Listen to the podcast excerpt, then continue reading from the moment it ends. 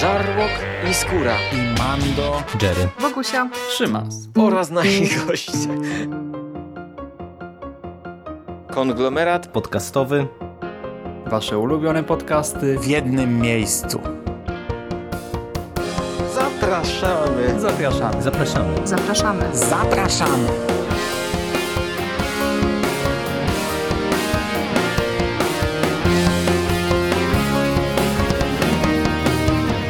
Witamy w konglomeracie podcastowym, czyli na platformie, która zbiera wszystkie Wasze ulubione podcasty w jednym miejscu. Po tej stronie mikrofonu witają się z Wami Rafał Wroński, znany też jako Bedwolf i Szymon Szymas-Ciesiński. Cześć wszystkim.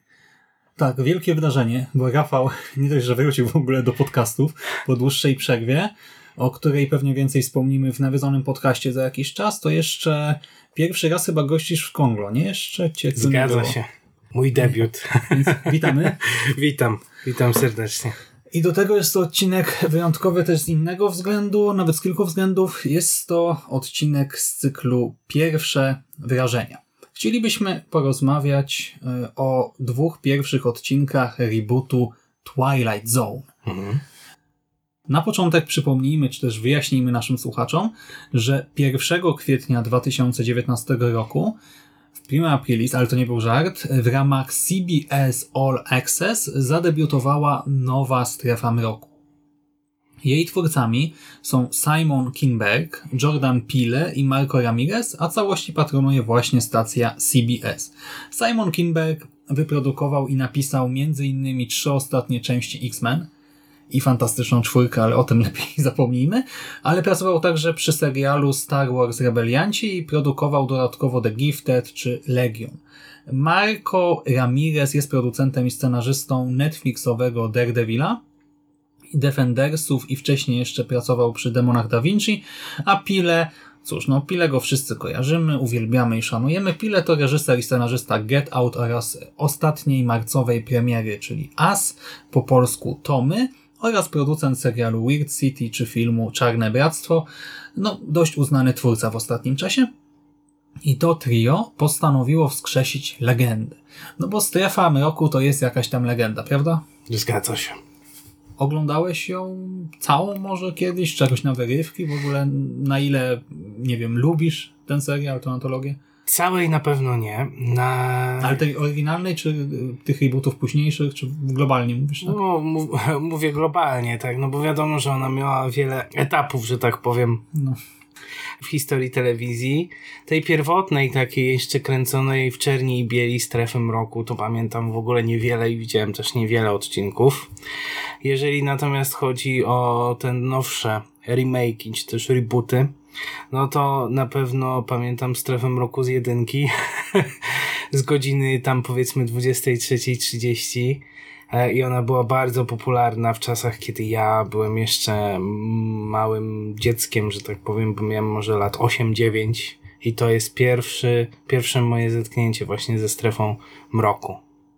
No ja też właśnie, to jest trochę jak z y, Archiwum X, nie? Że niby serial kultowy, Tak. serial dzieciństwa, który się tam oglądało, gdy była okazja, potem gdzieś, y, jak się dorosło, trochę się do niego wracało, ale też właśnie nigdy nie oglądałem jej całej, ani właśnie tej starszej, ani tych y, nowszych, ani nawet ja teraz w sumie filmu sobie dawno nie odświeżyłem. My chyba film nawet razem oglądaliśmy któregoś razu, ale Możliwe, tak. to też już trochę właśnie czas od tego momentu minęło, no i teraz właśnie powraca. No i wiadomo, oczekiwania są mimo wszystko duże, chociaż ja myślę, że większość widzów tak naprawdę przez dłuższy okres czasu nie miała kontaktu ze strefą roku. Tak każdy, nie wiem, kojarzy intro, kojarzy narratora, kojarzy tam pojedyncze odcinki, ale jednak to się w dużej mierze, myślę, zatarło w świadomości ludzi, no i teraz nagle powraca jako właśnie reboot. Mhm. No i jak wyglądają te pierwsze dwa odcinki? Przyjrzyjmy się im bliżej. Pierwszy z nich to The Comedian i opowiada o Samirze. Samir to komik, który uprawia średnio udany, umówmy się, stand-up i pewnego dnia w barze, przy barze, w knajpie, w której zabawia publiczność, spotyka swojego idola, J.C. Wheelera i w krótkiej wymianie zdań otrzymuje od niego poradę i ostrzeżenie zarazem. Wheeler sugeruje mu, że by osiągnąć sukces jako komik, należy żartować z własnego życia, z samego siebie, z własnego życia, swoich doświadczeń i swojego otoczenia. Problem polega na tym, że takie działanie pociąga za sobą pewne konsekwencje, wiąże się z jakimś tam ryzykiem, ma swoją cenę.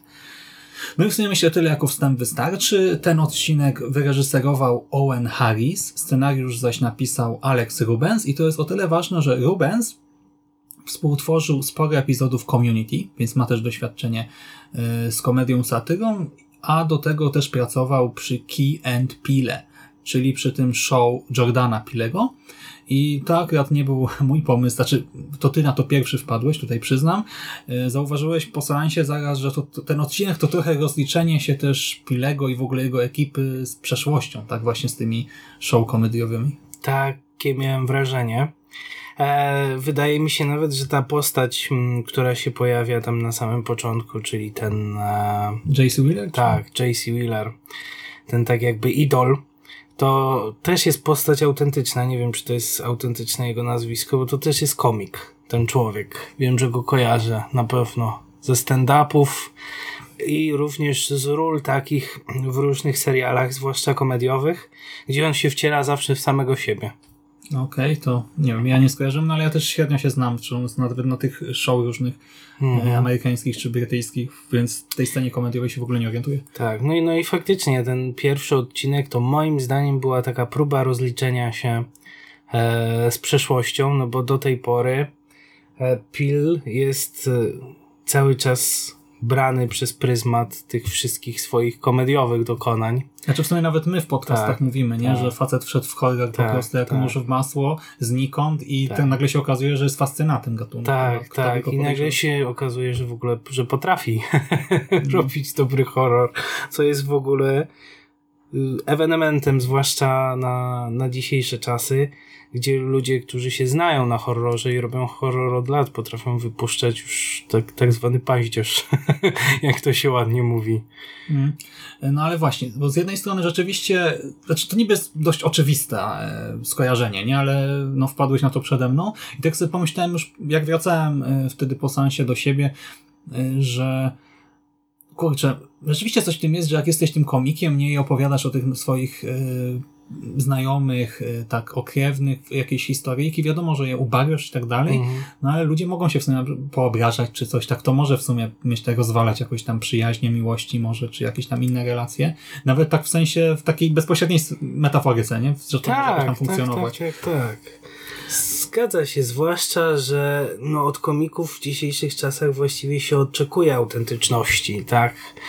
E, sami najlepsi stand-uperzy czy stand-upowcy amerykańscy to są wszystko ludzie, którzy opowiadają o, o, o własnych doświadczeniach, tak?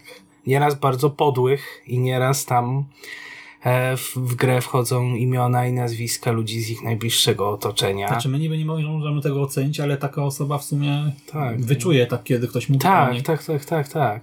No i właśnie tam w tym, w tym odcinku jest to dobrze pokazane, że od komika wymaga się po pierwsze autentyczności, ale jak już komik zastosuje, że tak powiem, tę autentyczność w swojej rutynie, no to wtedy zaczyna tracić to, co jest dla niego najważniejsze, to, co jest wokół niego, tak? Przyjaciół, rodzinę. Mhm. A powiem Ci, że mnie tak naprawdę przyszła do głowy jako taka pierwsza interpretacja zupełnie inna myśl, a mianowicie to, że y, to życie Samira w tym epizodzie Strefy Mroku to jest po prostu piekło, wizja piekła, czy to piekła na ziemi, czy już piekła post factum y, po drugiej stronie, bo y, zobacz, mamy gościa, który spełnia swoje marzenia i to spełnianie marzeń wiąże się z totalnym zatraceniem, z ostateczną porażką, tak? Z utratą wszystkiego, co dla niego ważne, właśnie z przeciwieństwem tak Mhm. naprawdę spełnienia marzeń.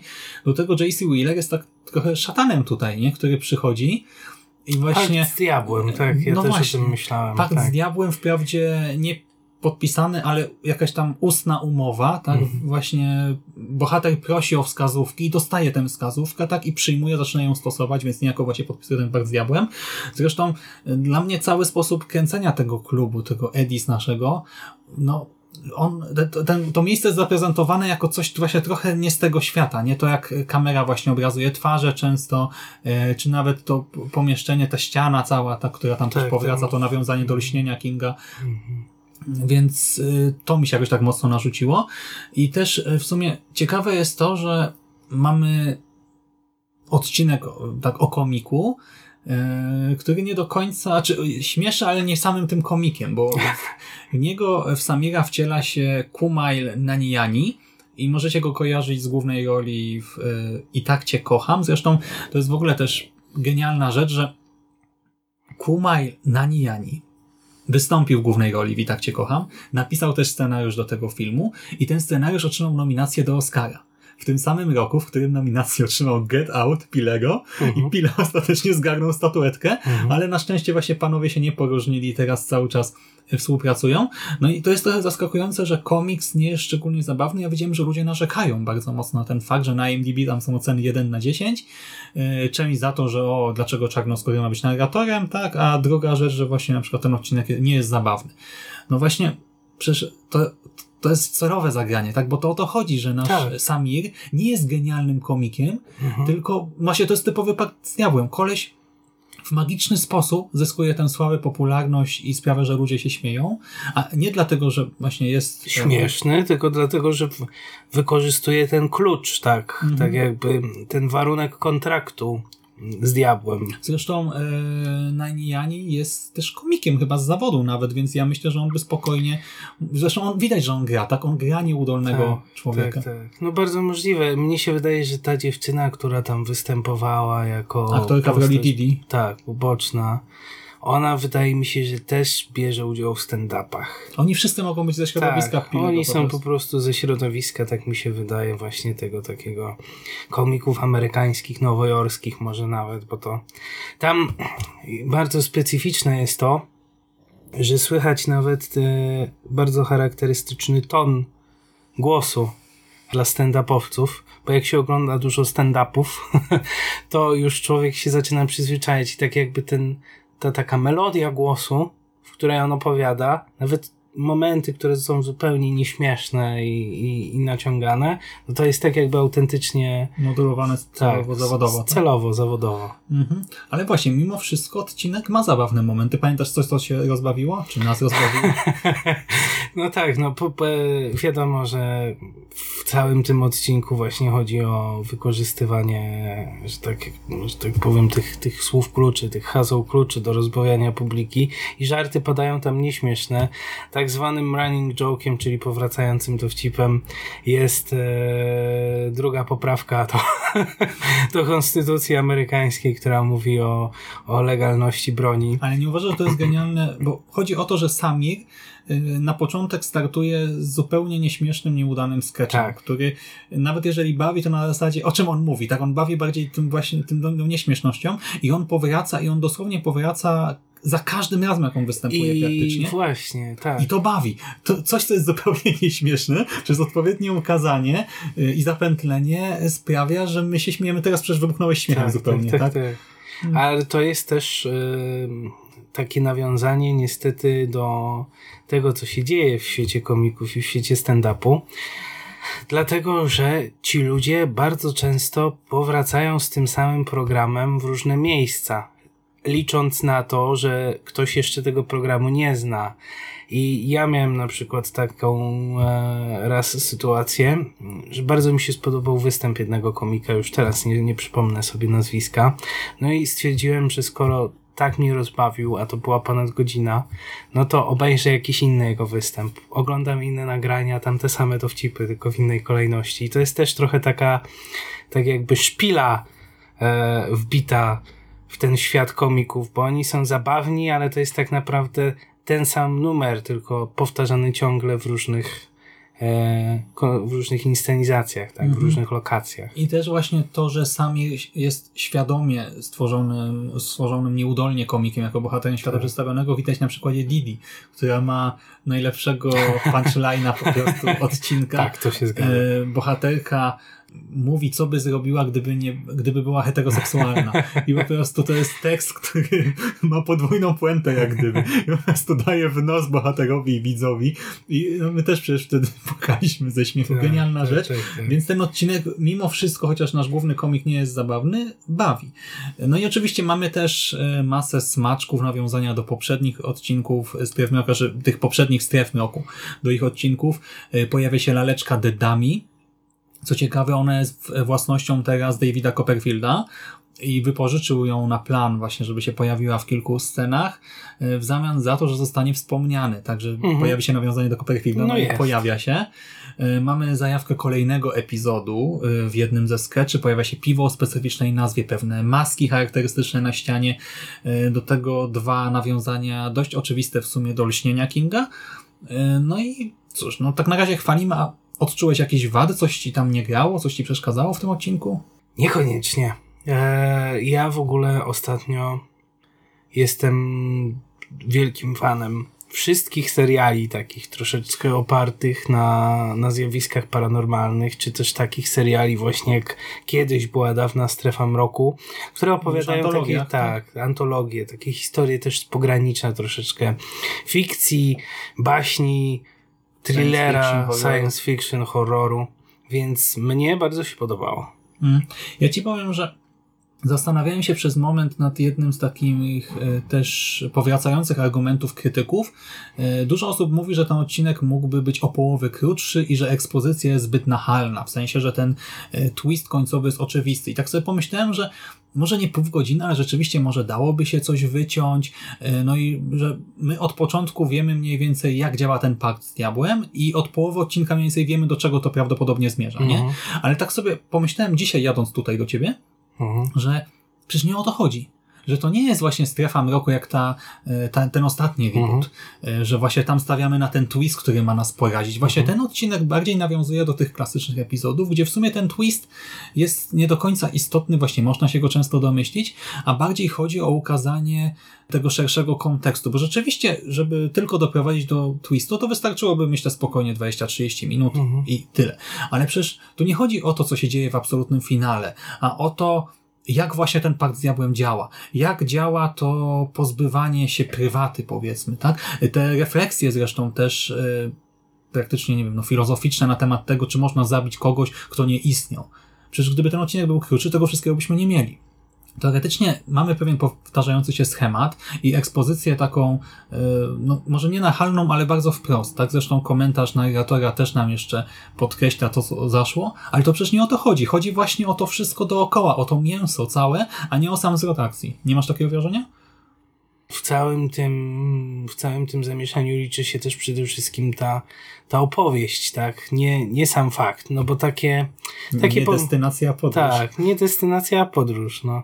Nie cel podróży, tylko, tylko sama droga, bo dobrze było wiadomo, jak to się skończy od początku, tak? Bo już podobne pomysły były, chociażby yy, historia o małpiej łapie, która pozwala spełniać życzenia, tak? I za każdym razem, jak ktoś czegoś sobie życzy, no to później musi złożyć jakąś ofiarę, tak? Dzieje się coś złego. Na przykład chce być e, bajecznie bogaty, no to zostaje, ale w zamian za to, nie wiem, umiera mu połowa rodziny i te pieniądze z, ze wszystkich polis i z odszkodowań do niego spływają i tak dalej, i tak dalej. No wiemy, wiemy jak to działa, wiemy jak działa sam mechanizm, natomiast interesujące było, jak zadziała na tego konkretnego bohatera, tak? I też interesujące było to, że tak jakby po raz pierwszy mieliśmy okazję e, zobaczyć, jak wygląda taka sytuacja od strony tej osoby, która podpisuje pakt, tak? Bo to były jakieś tam wewnętrzne, wewnętrzna walka tego, tego bohatera e, z rzeczywistością. No i w końcu godzi się z faktem, także. Mhm, mhm. Dobra, no, stop, stop, stop. No, bo to już będą spoilery, Mhm. tak? No godzi się z faktem, no i robi to, co zrobić musi. Teoretycznie. Dobra, czyli pierwszy epizod nam się podobał, a drugi nosi tytuł Nightmare at 30,000 Feet i wyreżyserował go Greg Yaitanes, który stworzył innymi, znaczy współtworzył Doktora House'a czy Banshee, a scenariusz stworzyli producenci producenci Strefy Mroku, tak, ci trzej wspomniani przeze mnie na wstępie, w oparciu o scenariusz wcześniejszego odcinka o podobnym tytule Nightmare at 20,000 Feet i to był odcinek z 1963. No, a widzisz, bo ja mówiłem, że kojarzę, że to jest nawiązanie do... do... Tak, z Williamem Shatnerem i y, też y, tamten odcinek był oparty na opowiadaniu Richarda Tak, Mathesona, tak, tak, tak, tak. które zresztą można teraz przeczytać, bo pojawiło się w antologii 17 podniebnych koszmarów Mhm. pod redakcją Bewa Vincenta i Stephena Kinga, która ukazała się u nas też jakoś, nie wiem, kilka miesięcy temu, niedawno względnie. To jest, że tak nawiasem wspomnę, tylko to jest jedna z historii, która mnie zainspirowała do pisania opowiadań między innymi. O, ale właśnie, bo ty wspomniałeś o nim i ja nie, nie, nie pamiętałem, znaczy kojarzyłem, że był taki jakiś serial, Tak. odcinek serialu, ale nie miałem pojęcia, że to była strefa mego czy coś Tak, innego tak, i tak, dopiero tak, jak tak, tak. wróciłem, y, zobaczyłem właśnie tę scenę y, z tą istotą, k- chciałem powiedzieć, z tym po- gremlinem, nie wiem, Tak, na skrzydle, to tak, dopiero tak, mi się tak, przypomniało, tak, że tak, tak, to to, tak. to rzeczywiście była strefa. To jest też zresztą jeden z najczęściej parodiowanych, że tak powiem, odcinków Strefy Mroku, bo on się pojawia w wielu innych serialach, w wielu innych e, takich, że tak powiem, popkulturowych e, Tworach. e, tworach współczesnych. Między innymi w Simpsonach był parodiowany, z tego co kojarzę. Ja też widziałem jakiś serial taki komediowy, którego w ogóle nie kojarzę, że też miał właśnie serial takim tytule, bo szukam na IMDb i też mi wyskoczyło coś zupełnie innego. No tak, tylko że to nie jest po prostu remake, tylko to jest e, właśnie nowe podejście do tej historii pasażera, który Tak. Wie więcej. Trochę. Tak. Tak, pasażer, e, który wie więcej od innych e, bohaterów, od innych postaci na pokładzie z samolotu. I tutaj właśnie naszym głównym bohaterem jest dziennikarz śledczy Justin Sanderson, który znajduje na pokładzie samolotu odtwarzacz Whipple, co też jest nawiązaniem zresztą do starej strefy mroku, odtwarzacz Whipple z podcastem Enigmatic, z którego treści wynika, że w ciągu godziny ślad po samolocie i po wszystkich pasażerach zaginie. Mhm. Takie uwspółcześnienie, jak powiedziałeś. No i co, pasuje Ci takie uwspółcześnienie? Czy to było ciekawe? Czy to było właśnie, czy to wykorzystywało potencjał XXI wieku? Mnie się wydaje, że było, że to był zabieg genialny. Ja zresztą po, w trakcie samego seansu i, i po seansie też mówiłem, że to jest idealny pomysł na escape room. Właśnie ucieczka, a ucieczka albo próba wyjaśnienia zagadki, która rozgrywa się na, na pokładzie samolotu w zamkniętym otoczeniu. Na mnie ten poprzedni odcinek, e, że tak powiem oryginalny i ten trochę, trochę zmieniony, wywiera takie duże wrażenie. Przede wszystkim dlatego, że ja lubię i bardzo na mnie działają akcje, które się rozgrywają w małych pomieszczeniach, na niewielkiej przestrzeni. Bo ja takich miejsc jak na przykład samoloty, windy, ciasne, ciasne korytarze, czy, czy nie wiem, czy zamknięte pomieszczenia na przykład przeznaczone tylko dla obsługi i tak dalej. Ja takich miejsc, magazyny, piwnice, ja takich miejsc nie cierpię i zawsze myślę o tym, co Ale ja nie bym masz zrobił klaustrofobii, nie? Nie, nie. Ja po prostu nie lubię Za dużo chodzi. te, tak, ja nie lubię ograniczonej przestrzeni. Generalnie ograniczona przestrzeń zawsze mnie denerwuje, bo to jest tak jak kiedyś było wspomniane w filmie, który się nazywał, teraz sobie e, Podziemny Krąg. Mhm. W filmie Podziemny Krąg tam pada taki cytat, e, który brzmi mniej więcej tak, że napis wyjście bezpieczeństwa w samolocie na pokładzie na wysokości 10 tysięcy metrów to jest tylko iluzja, tak? I że ona ma, to, to, ten napis, to wyjście bezpieczeństwa ma powstrzymać ludzi od tego, żeby właśnie nie, nie dostawali ataków paniki tam i, i nie zaczęli, nie zaczęli demolować tego samolotu po prostu, kiedy coś się dzieje. Mm. Wracając do tematu, pomysł jest świetny. E, motyw z podcastem bardzo mi się podobał. E, to jest też taki fajny ukłon w stronę ludzi, którzy jednak tęsknią za tymi starymi, dobrymi czasami, za latami 90., bo tam jest taki motyw, e, kiedy bohater musi zmienić słuchawki, bo używa e, słuchawek pewnej znanej firmy, które już nie mają kabla, tak, i po prostu do tego odtwarzacza ich się nie da podłączyć. Także to jest jeszcze taki, taki dodatkowy powiew nostalgii, który ja odbieram jako taki, takie mrugnięcie. Tak. Mhm, okiem. I dodatkowo Tak. właśnie obraz tej współczesności. No, ja byłem oczywiście zachwycony samym wykorzystaniem podcastu, zwłaszcza, że wykorzystano go także na poziomie meta, bo w rolę naszego dziennikarza, Justina, wciela się Adam Scott, który zresztą ma swój własny podcast, więc podcaster znajdujący podcast Świetna rzecz. E, Do tego e, no super jest to, że my się zastanawiamy, tak, czy to jest audycja z przyszłości, czy to jest jakiś prank, czy może ktoś tym steruje na żywo, czy może jeszcze coś innego tutaj e, zaszło w tej przestrzeni samolotu. No i oczywiście, aby się tego dowiedzieć, musicie wskoczyć w strefę roku, ale w- no podobało mi się, kurczę, nawet e, mówiłem ci, że sam miałem pomysł na taki cykl audycji, e, które Pamiętam. właśnie nie miałyby być mistyfikacjami sensu stricte, a e, takim właśnie ciągiem fikcyjnych opowieści. Teraz są podcasty na przykład rozgrywające się niby w rzeczywistości po apokalipsie, nie? to coś na tej zasadzie. No i tutaj to się po, pojawiło jak gdyby podcast z przyszłości mówiący o jakichś wydarzeniach. No, genialna rzecz, e, bardzo wciągająca też.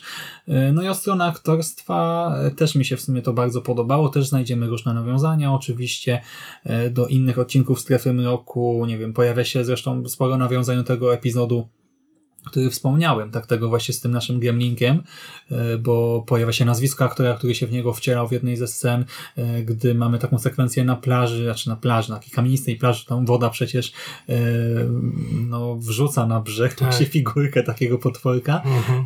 Bardzo fajnie to wszystko jest zakamuflowane, że jak się skupimy, no to to widzimy, ale w trakcie seansu to też nie jest taki fanserwis, który by jakoś przeszkadzał w odbiorze epizodu, tak Mhm. rozpraszał czy coś. No i co, no, podsumowując, realizacyjnie bardzo dobrze, aktorsko bardzo dobrze. Ja tam większych problemów nie mam. Czy to nie jest tak, że to jest jakaś rewolucja, fajerwerki, och, ach, zakochałem się na 100%, ale brakowało mi tego. Jestem na razie na tak, po prostu podoba mi się bardzo dobrze. Nie rewelacyjnie, nie 10 na 10, ale bardzo dobrze. Mnie też się podoba i czekam na następny odcinek, który będzie, o ile dobrze pamiętam, 14 kwietnia. 11 chyba. 11 to 11 kwietnia będzie miał premiera. Jak się dobrze złoży, to dzień albo dwa po premierze tego podcastu. No, e, także ja polecam. Czekam na więcej. No i mam nadzieję, że serial się przyjmie. Ja też. I że będą kolejne sezony. Pierwszy mamy 10 odcinków. Jak będzie z kolejnymi, nie wiadomo. On ma trochę ograniczoną dystrybucję, bo jest właśnie tylko w tym CBS All Access. Mhm. Nie leci chyba po prostu na stacji CBS, tylko jest dostępny tam. No ale miejmy nadzieję, że właśnie on jest chyba taką trochę Podejrzewam, zachętą. że to jest próba, tak. Najpierw y, będą to puszczać w internecie, a jak się przyjmie, to wtedy może zaczną to emitować normalnie w telewizji. Nieważne, chcę kolejne sezony, chcę dużo sezonów. Pile jest spoko, ogarnia temat, zna się na rzeczy, lubi to, co robi. Oby właśnie im się wiodło, naszym producentom i oby serial trwał dalej. Dobra, to dzięki za rozmowę. Dzięki również. A Wam, kochani, dziękujemy za uwagę. Życzymy miłego dnia, wieczoru, udanego weekendu i do zobaczenia w strefie mroku.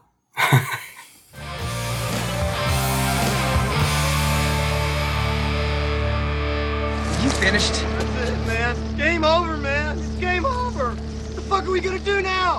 We gonna do? It's over.